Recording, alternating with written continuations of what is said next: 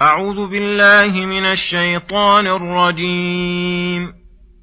وهل أتاك حديث موسى؟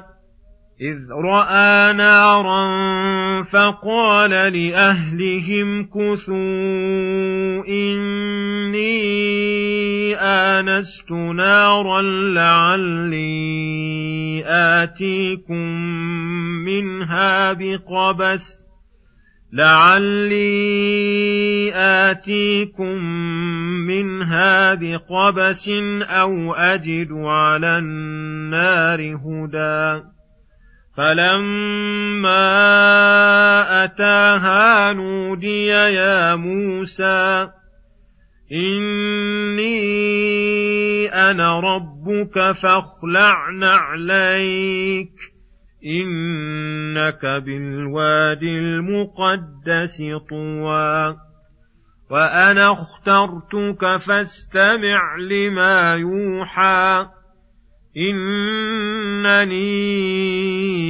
أنا الله لا إله إلا أنا فاعبدني وأقم الصلاة لذكري إن الساعة آتية أكاد أخفيها لتجزى كل نفس بما تسعى فلا يصدنك عنها من لا يؤمن بها واتبع هواه فتردى السلام عليكم ورحمة الله وبركاته. بسم الله الرحمن الرحيم. يقول الله سبحانه وهل أتاك حديث موسى الآيات؟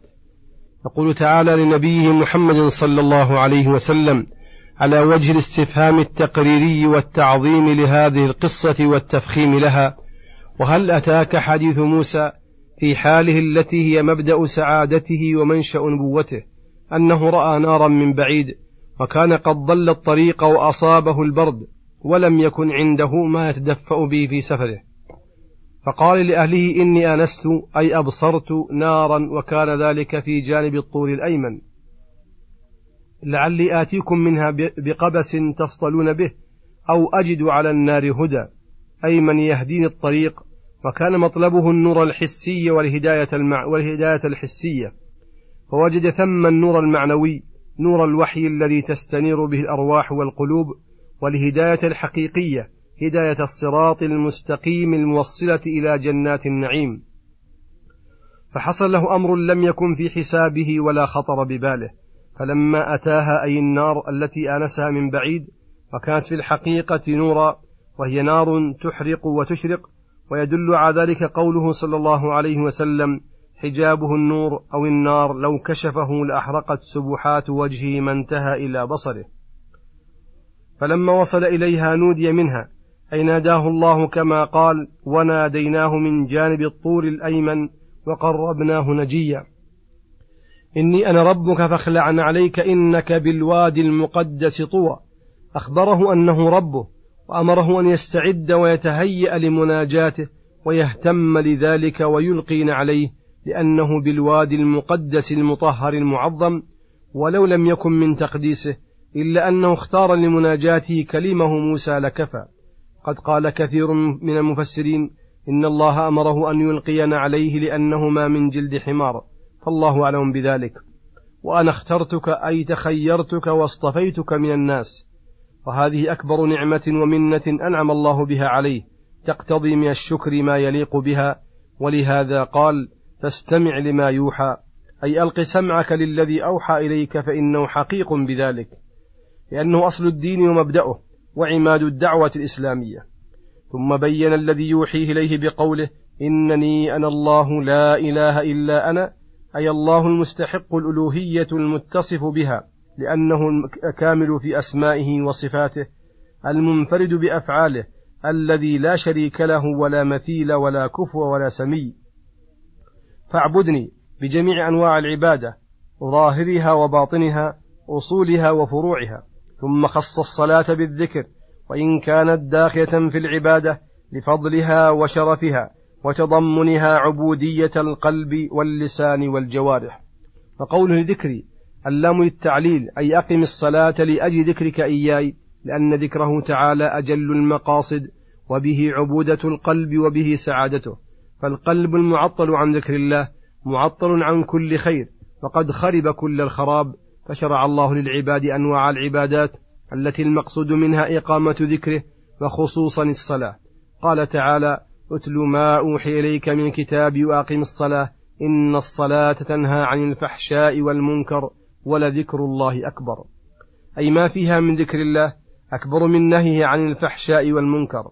وهذا النوع يقال له توحيد الإلهية وتوحيد العبادة فالألوهية وصفه تعالى والعبودية وصف عبده. إن الساعة آتية أي لا بد من وقوعها أكاد أخفيها. أي عن نفسي كما في بعض القراءات كقوله تعالى يسألونك عن الساعة قل إنما علمها عند الله.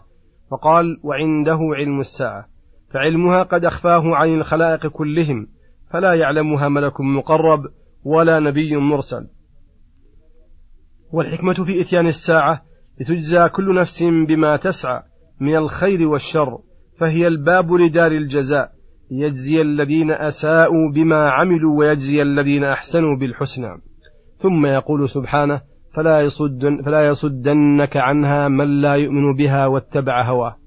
أي فلا يصدك ويشغلك عن الإيمان بالساعة والجزاء والعمل لذلك من كان كافرا بها غير معتقد لوقوعها يسعى في الشك فيها والتشكيك ويجادل فيها بالباطل ويقيم من الشبه ما يقدر عليه متبعا في ذلك هواه. ليس قصده الوصول إلى الحق وإنما قصاراه اتباع هواه. فإياك أن تصغي إلى من هذه حاله أو تقبل شيئا من أقواله وأعماله الصادة عن الإيمان بها والسعي لها سعيها. إنما حذر الله تعالى عمن هذه حاله لأنه من أخوف ما يكون على المؤمن بوسوسته وتدجيله وكون النفوس مجبولة على التشبه والاقتداء بأبناء الجنس. وفي هذا تنبيه وإشارة إلى التحذير عن كل داع إلى باطل يصد عن الإيمان الواجب أو عن كماله أو يوقع الشبهة في القلب وعن النظر في الكتب المشتملة على ذلك. وذكر في هذا الإيمان به وعبادته والإيمان باليوم الآخر لأن هذه الأمور الثلاثة أصول الإيمان وركن الدين. وإذا تمت تم أمر الدين ونقصه أو فقده بنقصها أو نقص شيء منها. وهذا نظير قوله تعالى في الإخبار عن ميزان سعادة الفرق الذين أوتوا الكتاب وشقاوتهم إن الذين آمنوا والذين هادوا والصابئين والنصارى من آمن بالله واليوم الآخر وعمل صالحا فلا خوف عليهم ولا هم يحزنون. وقوله فتردى أي تهلك وتشقى إن اتبعت طريق من يصد عنها. وصلى الله وسلم على نبينا محمد وعلى آله وصحبه أجمعين. وإلى الحلقة القادمة غدا إن شاء الله. والسلام عليكم ورحمة الله وبركاته.